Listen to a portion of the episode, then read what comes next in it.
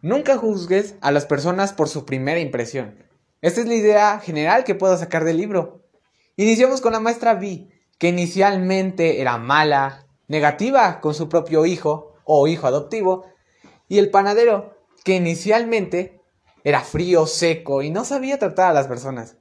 Pero al final, la maestra Vi salió siendo la mala del cuento. Y en cambio, el panadero fue el mejor amigo de nuestro protagonista. Hablamos de temas sumamente estrechos, reales, y lo mejor de todo, uniéndolo y manteniéndolo en perfecta armonía con lo mágico.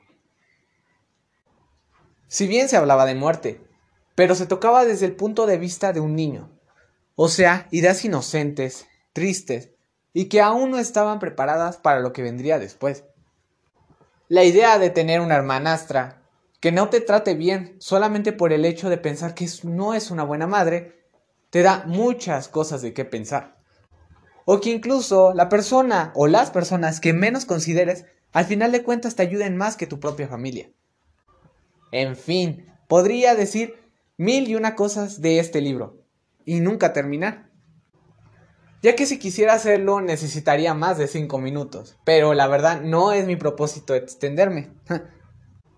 y sinceramente, lo que más me tiene alegre es el hecho de saber que al final de cuentas, el pájaro, el panadero y nuestro protagonista pudieron mantenerse juntos. Si bien tuvieron que pasar un momento algo incómodo, al final lograron lo que en un principio yo tanto deseaba. Por mi parte, maestro, esto sería todo mi podcast. Espero que le haya gustado. Y en caso de que requiera hacer otro nuevo, solamente dígamelo y yo lo haré con mucho gusto. También debo agradecerle por la lectura de este libro.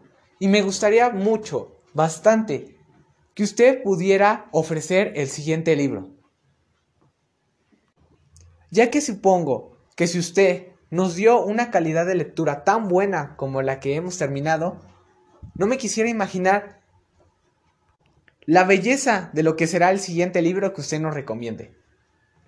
Espero que esto haya quedado claro, así como mi reporte del libro. Y muchas gracias, maestro.